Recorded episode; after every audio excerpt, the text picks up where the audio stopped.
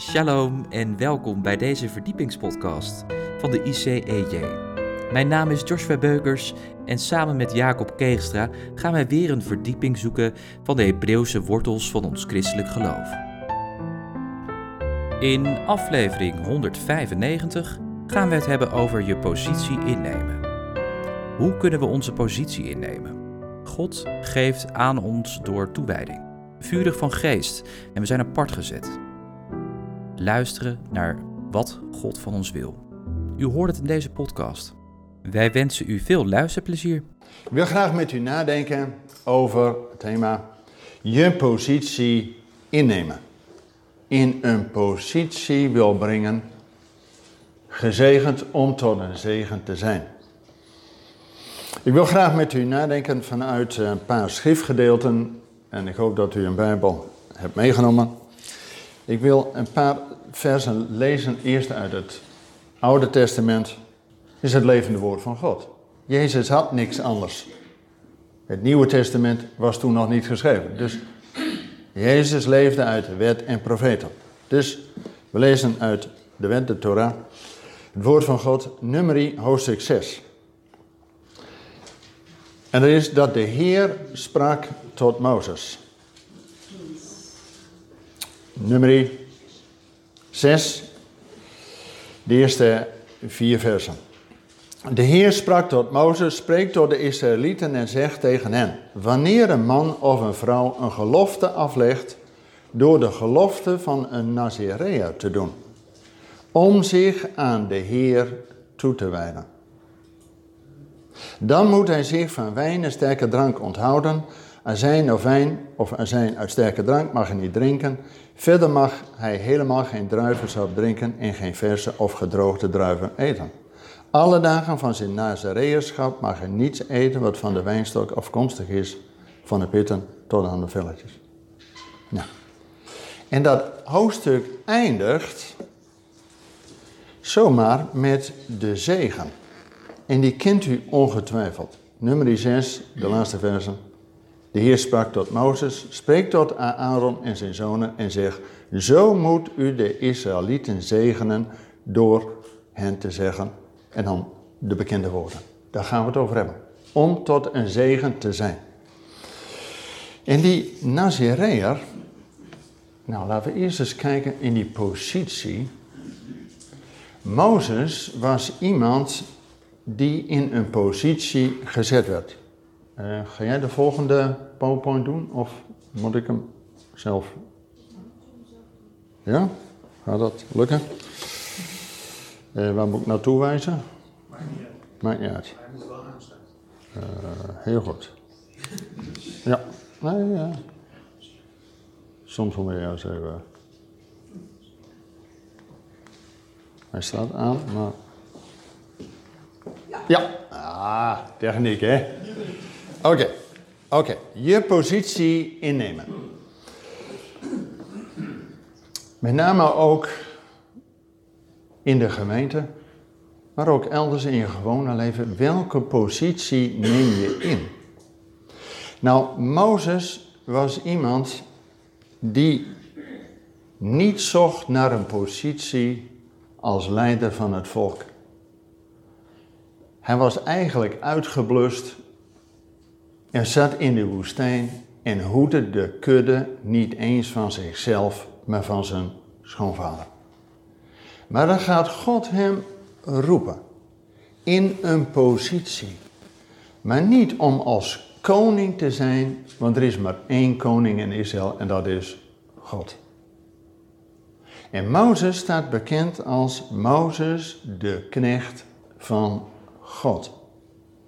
Juist omdat hij die houding had als knecht, als dienend leider.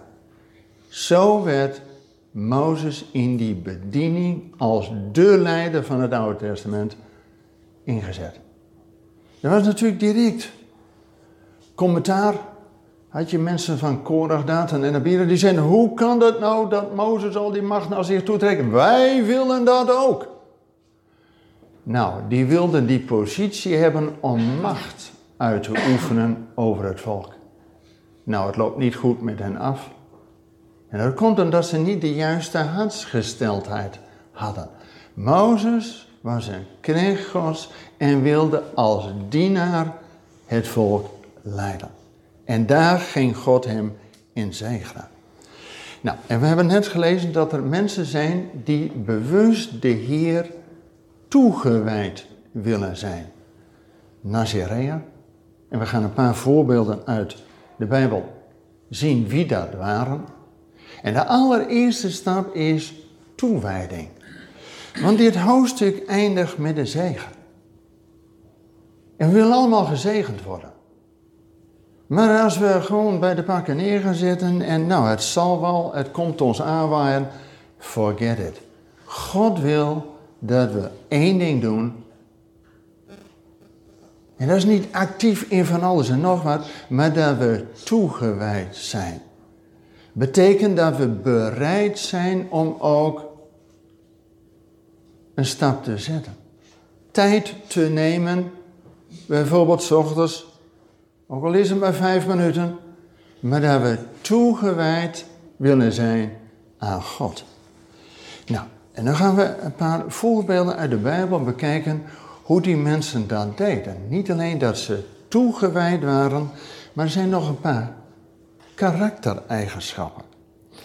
En ik neem je mee naar Richteren, hoofdstuk 13, over de geboorte van een richter, Simpson. Simpson. Richteren, hoofdstuk 13, waar staat. Ben blij dat u uh, meeleest. Maar de Israëlieten deden opnieuw wat slecht was in de ogen van de Heer. Daarom gaf de Heer hen over in de hand van de Filistijnen 40 jaar lang. En er was een man uit Sora, uit het geslacht van de Danieten, en zijn naam was Manoah. Zijn vrouw was onvruchtbaar, ze had geen kinderen gebaat. Toen verscheen er een engel van de Heer aan deze vrouw en zei tegen haar: Zie toch, u bent onvruchtbaar en hebt geen kinderen gebaat. U zult echter zwanger worden en een zoon baren. En dat gedeelte eindigt, hoofdstuk 13, de laatste twee versen. Daarna baarde deze vrouw een zoon en zij gaf hem de naam Simson. Het jongetje werd groot en de Heere zegende hem en de geest van de Heer begon hem aan te vuren. Dus iemand die toegewijd aan God is. Juist ook dat hij vurig van geest mag zijn. En dat lukt alleen als Pinksteren geweest is, als de geest van God je aanvuurt. En met die persoon van Simpson, daar hebben wij vaak nog wel eens wat moeite mee. We denken eigenlijk toch een beetje tragisch figuur. hij kreeg een bijzondere kracht van God. En wat ging die man doen? Ging naar de Filistijnen en bracht zijn dagen door met vreemde vrouwen. Die hem nog ging verraden ook. Ja, maar wacht even. Alles in de Bijbel is opgeschreven tot voorbeeld voor ons. En al die richters, en dat hebben we ook gelezen, waren om het volk te verlossen. Dus ook Simson was een van die verlossers van Israël. Zoals Mozes de profeet was in het Oude Testament. En die niet op zichzelf wees, maar naar die andere grote profeet, Jezus. Zo zijn ook al die richteren, zijn verlossers, die maar één ding konden doen in hun leven, een voorafschaduwing zijn van de verlosser. Maar kijk het eens met ogen zoals ook Jezus als de verlosser. Die kwam tot Israël als verlosser. Maar wat deed hij? Die ging naar de heidenen toe om daar ook uit de heidenen een bruid te hebben. Alleen die bruid, Ja, die werd onder druk gezet door de leiders van die Filistijnen. En die bruid, ja, die verkwanselde het. Die ging zelfs die verlosser verraden. Zodat hij gedood werd. Zie je daar niet hetzelfde patroon als onze verlosser?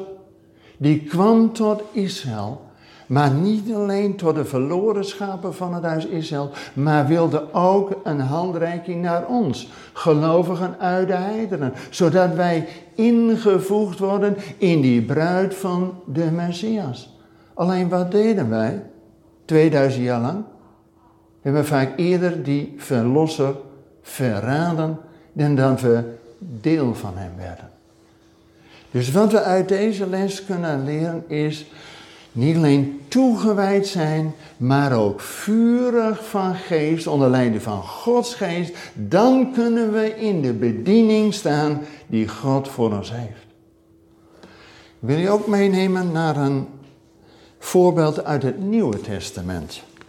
Van die Nazareër, die mensen die toegewijd waren, vol van Gods geest. Maar er was nog een derde element. En dat lezen we in het Nieuwe Testament in Lucas hoofdstuk 1. Lucas hoofdstuk 1. Over de aankondiging van de geboorte van Johannes de Doper. En ik lees met u Lucas 1 vanaf vers 5.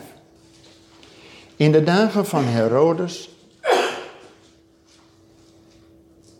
de koning van Judea, was er een priester van de afdeling van Abia van wie de naam Zacharias was, en zijn vrouw behoorde tot de dochters van Aaron, en haar naam was Elisabeth.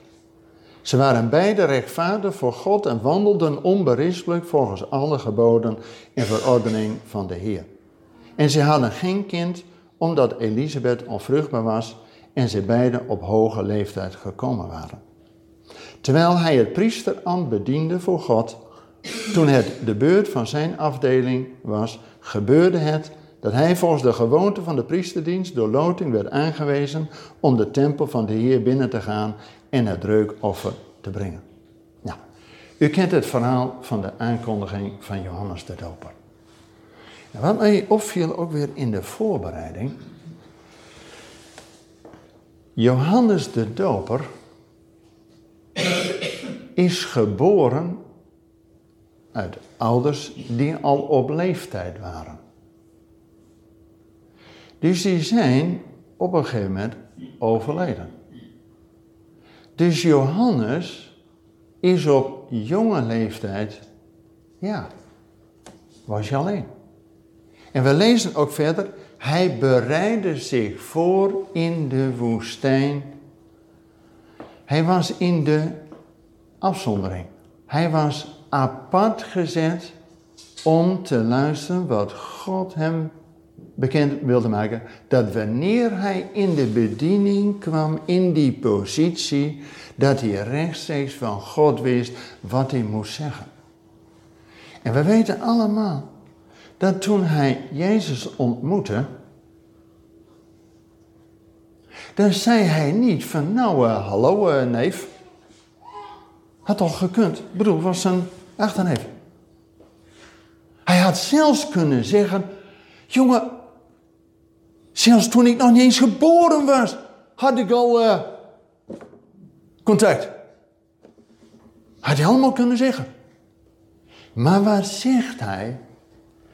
En hij is geboren uit priesters. Zowel zijn vader was priester, als zijn moeder kwam ook uit de lijn van de priesters. Dus hij was ook een priester. En we weten dat Jezus 30 werd toen hij in zijn bediening kwam, volwassen. En Johannes was een half jaar ouder. Dus die was al 30,5. Met andere woorden, die was ook in die bediening. En het enige wat Johannes doet, hij werd in die positie geplaatst als heraut van de Messias, zo kennen wij hem. Maar als priester deed hij zijn taak. Want hij was de enige die gerechtvaardigd was om te zeggen: zie het lam. Dan gaan we straks avondmaal. Zie het lam. En dat bereikte hij door niet alleen dat hij toegewijd was, al vanaf zijn jeugd was hij de Heer Nazareër toegewijd.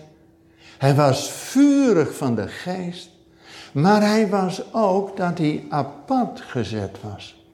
Dat hij niet wereldgelijkvormig, maar soms moet je in de stilte zijn om te weten wat God jou wil zeggen. Zodat wanneer je in die positie bent, om dan ook precies te zeggen wat God wil dat je doet. Dan ben je effectief. Dan sta je in de bediening en ontleent God haar ook zijn zalving aan.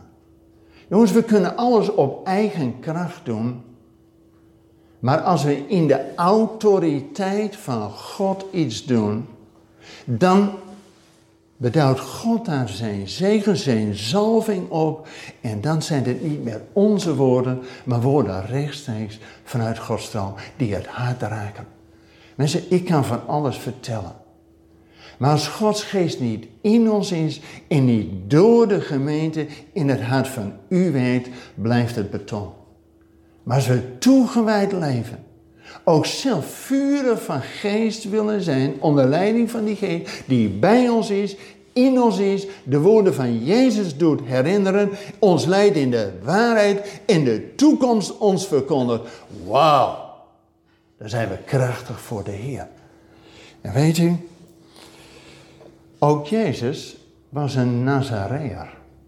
In die zin, wij zeggen altijd Jezus van Nazareth. En Nazareth heeft iets met het woord Nazareër te maken. Maar eigenlijk klopt dat niet. Hoe kan dat nou? Jezus staat toch als bekend als Jezus van Nazareth?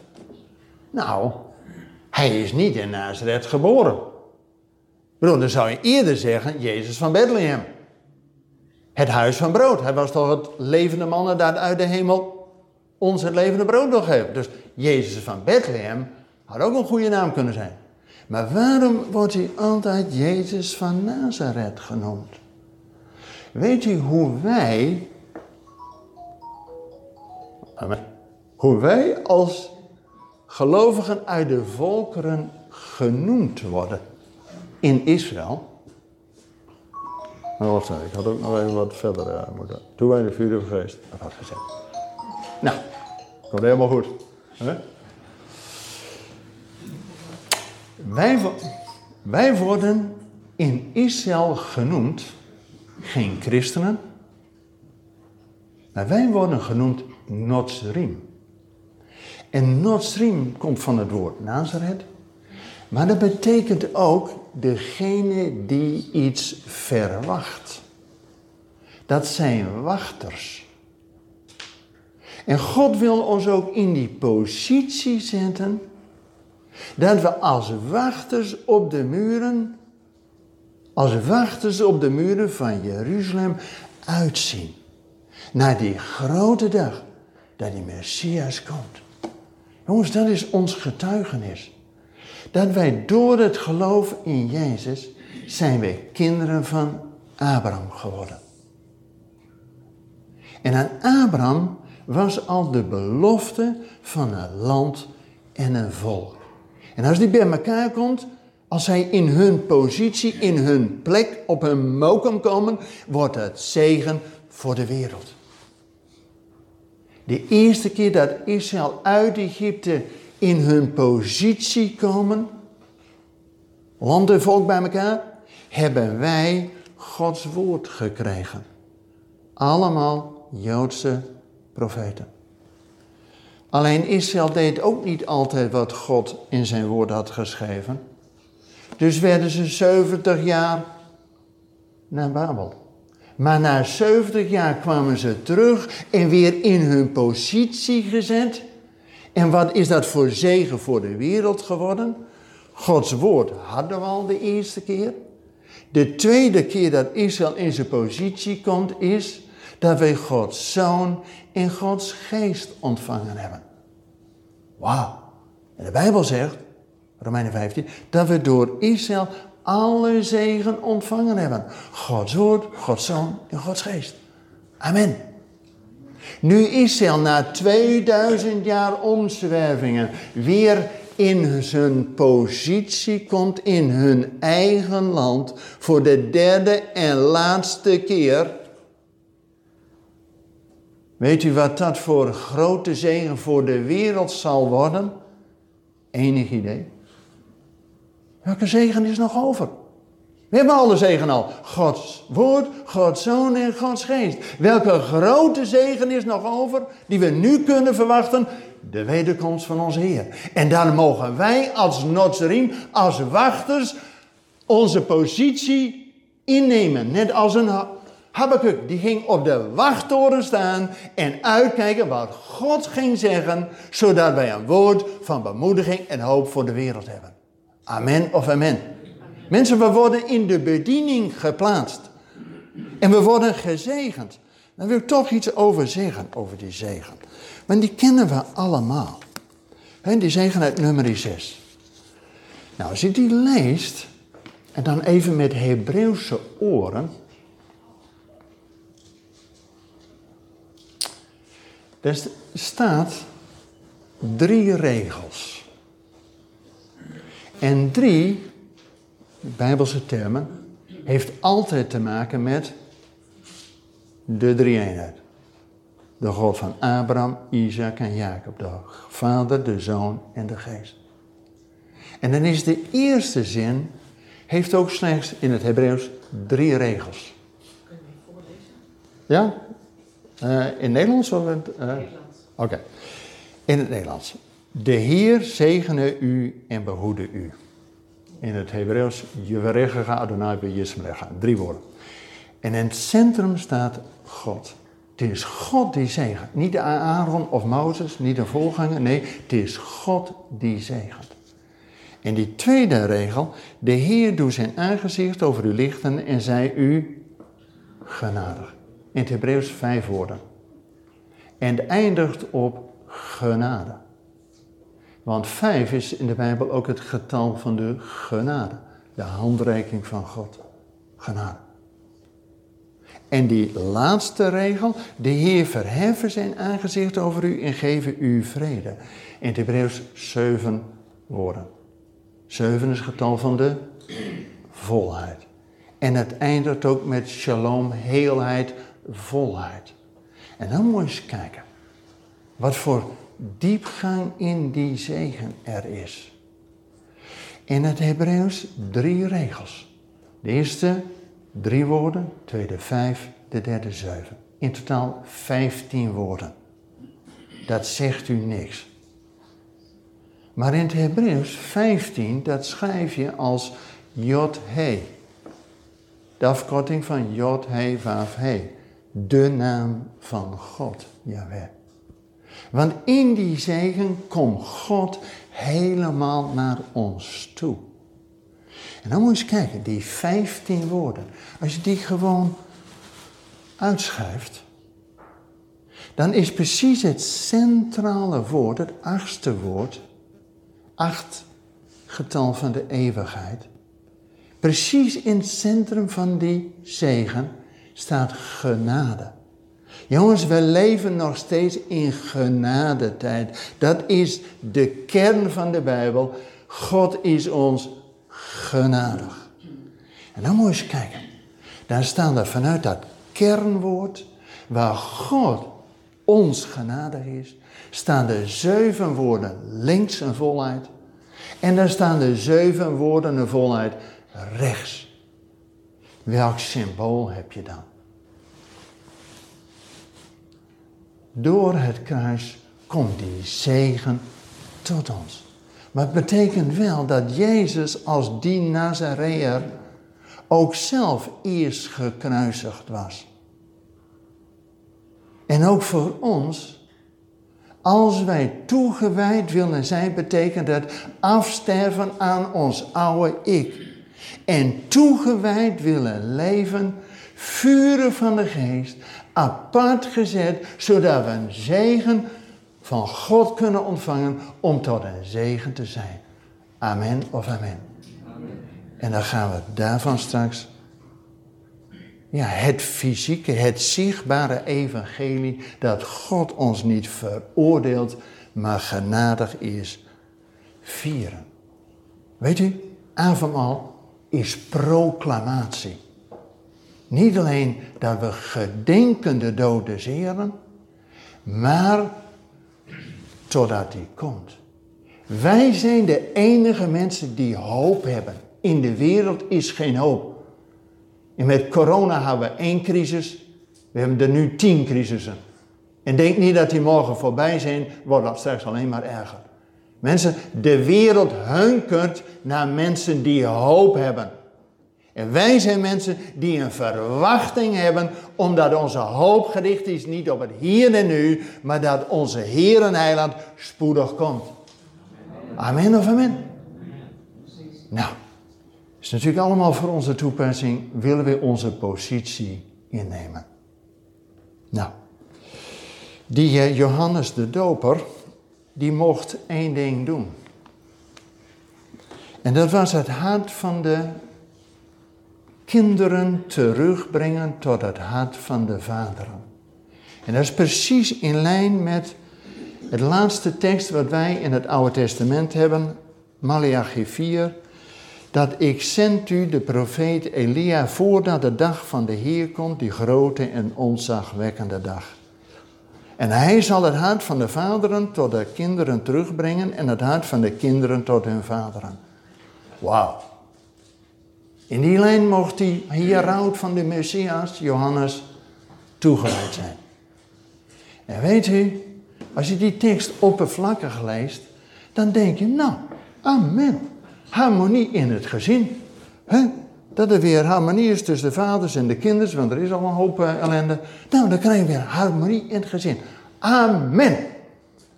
Maar als we de tekst nog één spade dieper hebben, dan staat er het hart van de kinderen terug tot het hart van de vaderen. Wie zijn in eerste instantie in het Oude Testament die kinderen? Dat zijn de kinderen van Israël. Wij waren er nog niet in het Oude Testament. Dus de kinderen van Israël worden teruggebracht tot het hart van de vaderen. Wie zijn die vaderen? In ieder geval Abraham, Isaac en Jacob. En niet alleen dat ze terugkeren tot het hart van de vaderen, maar het hart van de vader is natuurlijk de God van Abraham, Isaac en Jacob. Weet u, als je die tekst nou nog één spade dieper hebt, weet u hoe wij in het Nieuwe Testament genoemd worden? Wij, gelovigen uit de heiden, wij die erbij mogen horen. Ja, maar heel specifiek. U kent de meest geliefde apostel, Johannes, die schreef niet alleen het evangelie, maar ook een aantal brieven. En als je de eerste brief van Johannes leest, worden wij altijd aangeduid als kinderen. Dus de tekst heeft ook een diepgang voor ons dat wij als kinderen die door het geloof erbij mogen horen, ook tot het hart van de vaderen. En God heeft een naam. De God van Abraham, Isaac en Jacob. Dat was gemeente niet los van Israël, maar verbonden zijn. En wij hebben een Messias die uitkijkt ook naar die, ja, die bruid die je uit de heidenen wil trekken. En wat doen wij? Zijn we toegewijd, vuren geest, apart gezet om in de dienst van God te staan?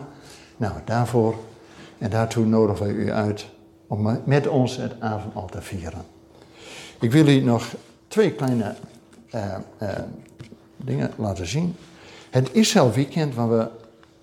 Sorry hoor. Ik, uh, lukt mij niet om tegelijk te praten en dit te doen. Maar goed, plaatje bij het praatje. Het Israël weekend waar we al voor de veertiende jaar op het conferentiecentrum de Battle over hebben, gaat over dit thema. Wat die heraut van die Messias mocht doen, Johannes, om het hart van de kinderen terug te brengen tot het hart van de vaderen. En wij denken daarin altijd van aan de verloren zoon, maar dat thema is veel uitgebreider, dus we hebben een heel weekend nodig om dat uit te leggen. Ja, en na het Israël-weekend komt natuurlijk de grote vraag: gaat u mee om het feest van de Heer te vieren? Jongens, avondmaal is nog maar een begin. Hè? Maar we zien uit naar die grote dag. De maaltijd des Heren. Het feest van de Vader. Want Pasen is het feest van de Zoon. Pinksteren is het feest van de Vader. Uh, uh, van de Geest. En dat we door Jezus in één geest tot de Vader komen. Maar waarom vieren we het feest van de Vader niet? God heeft zijn volk opgedragen drie feesten te vieren. Pasen, Pinksteren en het Loofhuttenfeest. Zodat je de zegen van God erin mag ervaren. Dan wil ik u een klein... Zullen we eerst uh, kort bidden? Mag ik u voorgaan in gebed? Vader in de hemel. Bedankt voor het luisteren naar deze verdiepingspodcast van de ICEJ. Waardeert u onze podcast? Steun ons dan. Dat kunt u doen door een donatie of door deze podcast te delen met uw vrienden of familie. Meer informatie hierover vindt u op icej.nl. Volgende week volgt er uiteraard weer een nieuwe aflevering van deze verdiepingspodcast. Luistert u weer met ons mee? Ik hoop van wel. Bedankt voor het luisteren en tot volgende week.